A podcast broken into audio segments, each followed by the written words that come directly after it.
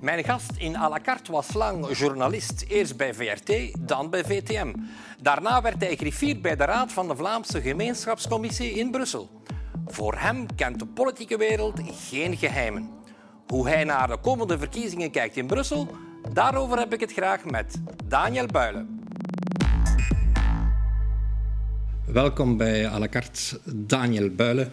Jij woont niet meer in Brussel, je woont in Leuven, maar je kijkt nog met veel belangstelling, veronderstel ik, naar de Brusselse actualiteit. Wat is jou zo opgevallen als observator? Wel ja, natuurlijk, uh, zoals overal in het land uh, zijn de politici drukdoende en uh, met de verkiezingen natuurlijk, hè, mm -hmm. die er aankomen over een vijftal maanden. En de zenuwachtigheid uh, neemt natuurlijk toe. En je ziet ook uh, in alle partijen, zeker de traditionele partijen, dat er met een bang hart gekeken wordt naar 9 juni. Dat is ook in Brussel zo, waar mm -hmm. toch een aantal gevestigde partijen met uh, dissidenties te maken krijgen. En dat zal natuurlijk meer dan rimpelingen, denk ik, teweeg brengen. Op Verwacht jij grote verschuivingen ik denk toch dat er een, um, zowel aan uh, Franstalige als aan Nederlandstalige kant in Brussel, zeker aan Nederlandstalige kant, een grotere versnippering zal komen van de politieke formaties. En dus dat het uh, toch moeilijker zal worden om een, uh, om een meerderheid te vormen. Mm. En ook aan Franstalige kant zou het wel eens kunnen dat er uh, misschien meer dan drie partijen nodig zijn om een, uh, om een coalitie te maken. Ja, dat, dat zal tot gevolg hebben dat er misschien ja, een coalitie met heel veel partijen leidt niet noodzakelijk tot meer duidelijkheid. Nee, maar goed, ja, we hebben natuurlijk in Brussel sowieso al een traditie van uh, zes partijenkabinetten eigenlijk. Mm. Hè? Dus drie aan Franstalige kant, drie aan Nederlandstalige kant. Dat hebben we eigenlijk bijna altijd al gehad, uh, sinds 1989. En dan, ja, aan Nederlandstalige kant zijn er dan zelfs uh, nog tussendoor uh, uh, kartellijsten geweest met SPA en Agalef hmm. destijds, de Open VLD en de Volksunie. Dus eigenlijk hebben we al lang een traditie van een meerpartijensysteem eigenlijk. Ja, maar Jij observeert al heel lang de Brusselse politiek. Hoe bekijk je dat eh, vanuit een, een, een Vlaams standpunt? Voor jou is ook de, de, positie van het Nederlands heel erg belangrijk.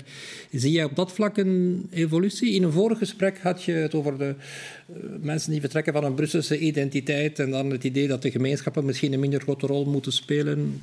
Hoe zie jij die evolutie nu? Wel, ik zie daar uh, toch het, uh, de afgelopen legislatuur een, een beetje toch kwalijke evolutie. Ik ga een voorbeeld nemen. Uh, de gemeenschappelijke gezondheidszorg in Brussel, hè, waar we met corona toch mhm. veel mee te maken hebben gehad. Dat is eigenlijk de bevoegdheid van een instelling die weinig bekend is in Brussel, maar toch de gemeenschappelijke gemeenschapscommissie dat is een, een bestuursniveau waar Vlamingen en Franstaligen eigenlijk op gelijke voet mm -hmm. zitten. Dus uh, twee ministers, een Nederlandstalige en een Franstalige, zijn samen bevoegd voor dezelfde bevoegdheid, in dit geval gezondheidszorg. En wat zien we? In de afgelopen legislatuur heeft de Nederlandstalige bevoegde minister, Elke van den Brand van Groen, eigenlijk die bevoegdheid helemaal afgestaan aan haar Franstalige collega Maron. Uh, van in het begin. Zij heeft gezegd, ja, ik hou mij vooral gewestelijk met mobiliteit enzovoort bezig. En uh, die gezondheidszorg van de gemeenschappelijke gemeenschapscommissie, dat laat ik helemaal over aan mijn collega Maron van Ecolo.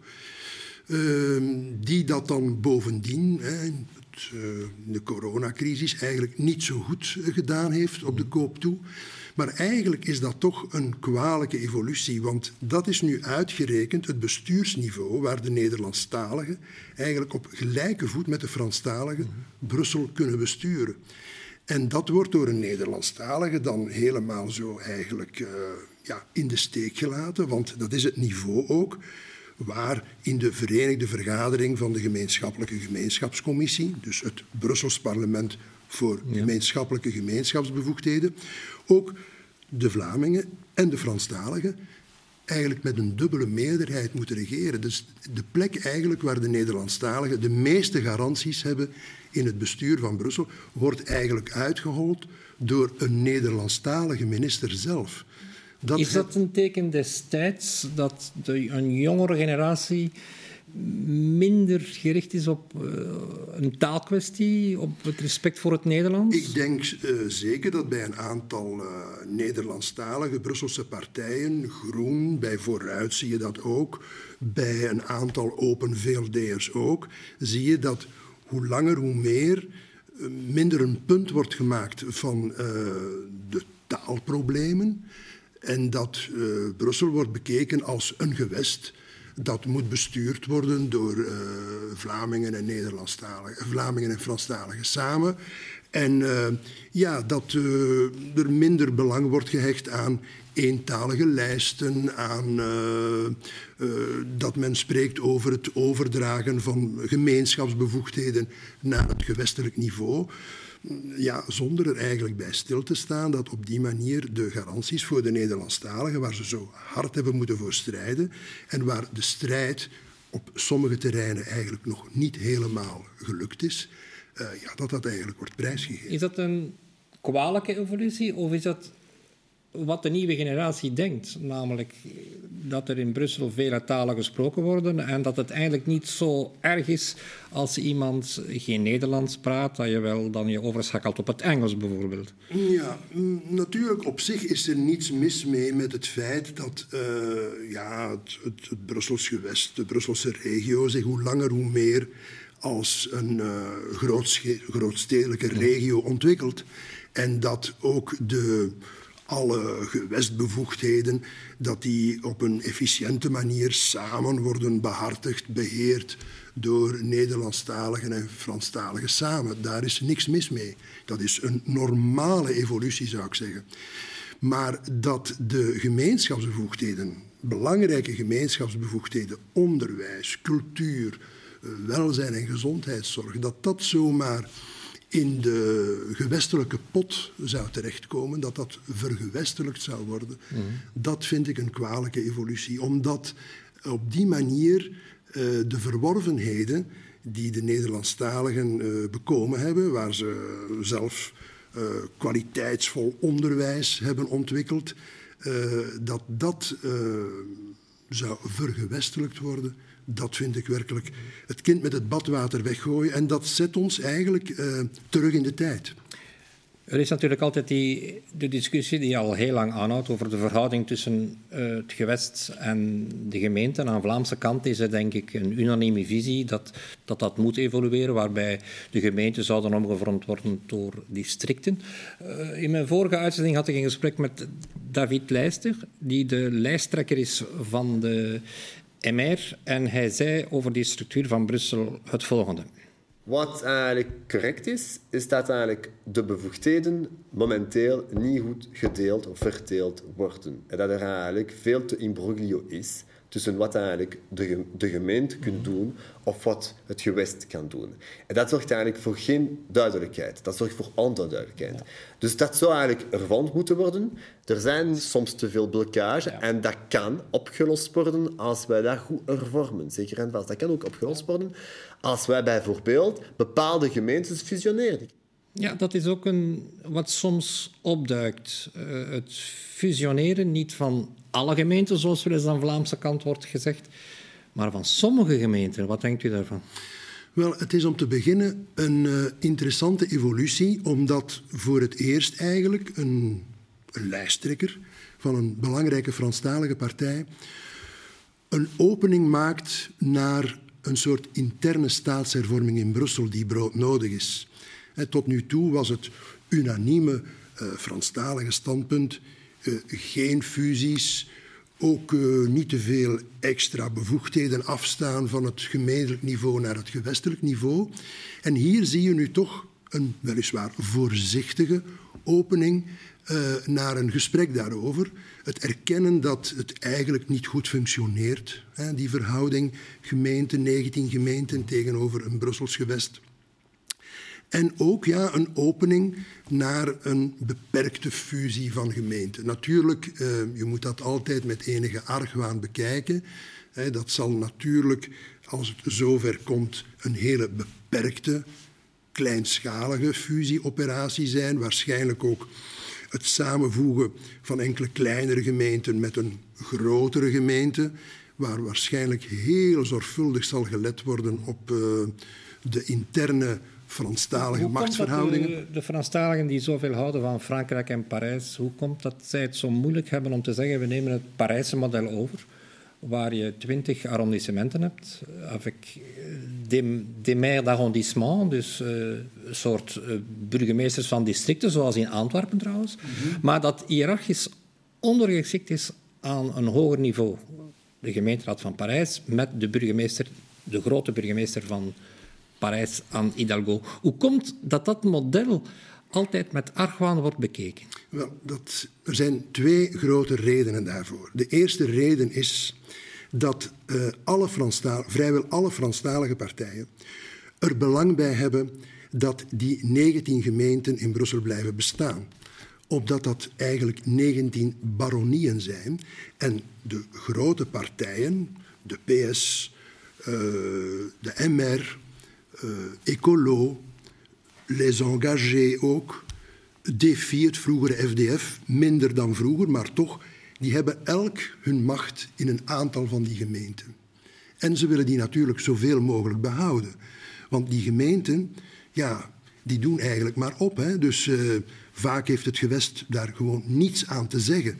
Kijk naar het, het gewestelijk parkeeragentschap dat volgens de laatste staatshervorming voor heel Brussel moest worden opgericht. Tot op de dag van vandaag zijn er een aantal Brusselse gemeenten die daar zelfs niet eens aan meedoen.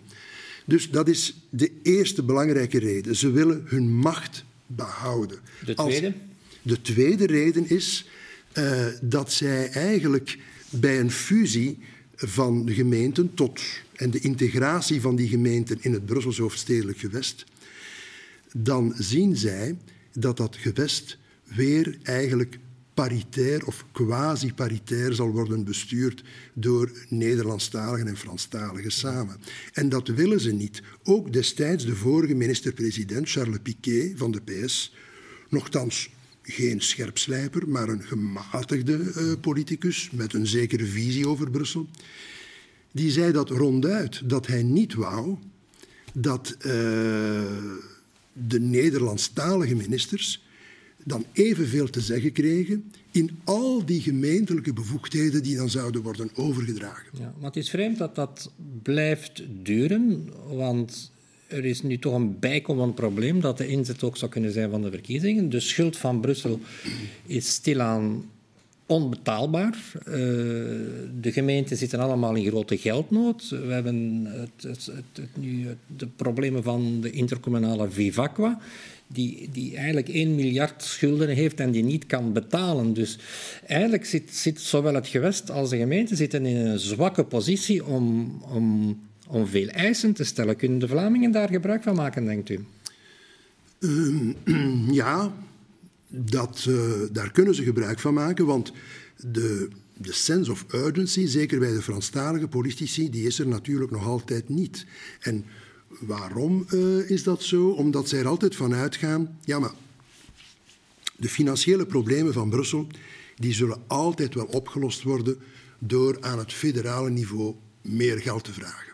Dat is een constante van decennia al. Telkens, Brussel zegt altijd, nous sommes demandeurs de rien, maar als puntje bij paaltje komt, zijn ze altijd wel demandeur, namelijk van veel extra financiële stromen. Maar is daar nu geen grens overschreden? Omdat de, de, de schuldenlast, eh, zowel van Brussel als van het Waalse gewest als van de Franse gemeenschap, is zo hoog dat je bij een eventuele nieuwe staatshervorming toch als Vlaming in een sterke positie staat. Inderdaad, dan, uh, dus uh, wanneer het tot een fundamentele staatshervorming zou komen, ik zeg wel zou komen, uh, dan zal natuurlijk het financiële plaatje uh, de doorslag geven. Hè. En dus dan, uh, dan zullen waarschijnlijk de Vlaamse onderhandelaars die pleiten voor een verregaande staatshervorming, ja, alleen maar bereid zijn om Brussel eventueel en Wallonië financieel bij te springen, wanneer daar genoeg tegenover staat, hè, wanneer er een verregaande autonomie wordt verleend maar aan de deelstaat. Maar is het gevaar niet dat aan de Vlaamse kant, uh, zeker bij de partijvoorzitters ook, er relatief weinig belangstelling bestaat voor Brussel? Dat is zo. En dat dat ons parten zou kunnen spelen bij een nieuwe staatshervorming?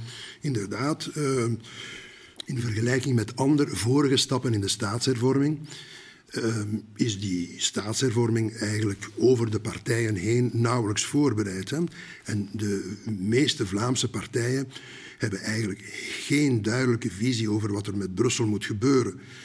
Uh, zelfs de plannen van uh, de NVA en het Vlaams Belang, die, laten we zeggen, het meest, de meest verregaande visie hebben over waar het met dit land uh, naartoe moet, die zijn wat Brussel betreft nog altijd relatief vaag en gaan niet diep in op de consequenties van uh, wat er in Brussel zou moeten gebeuren dan. Dat is ook geen ideale onderhandelingspositie natuurlijk. Uh, nee, ik denk dat, uh,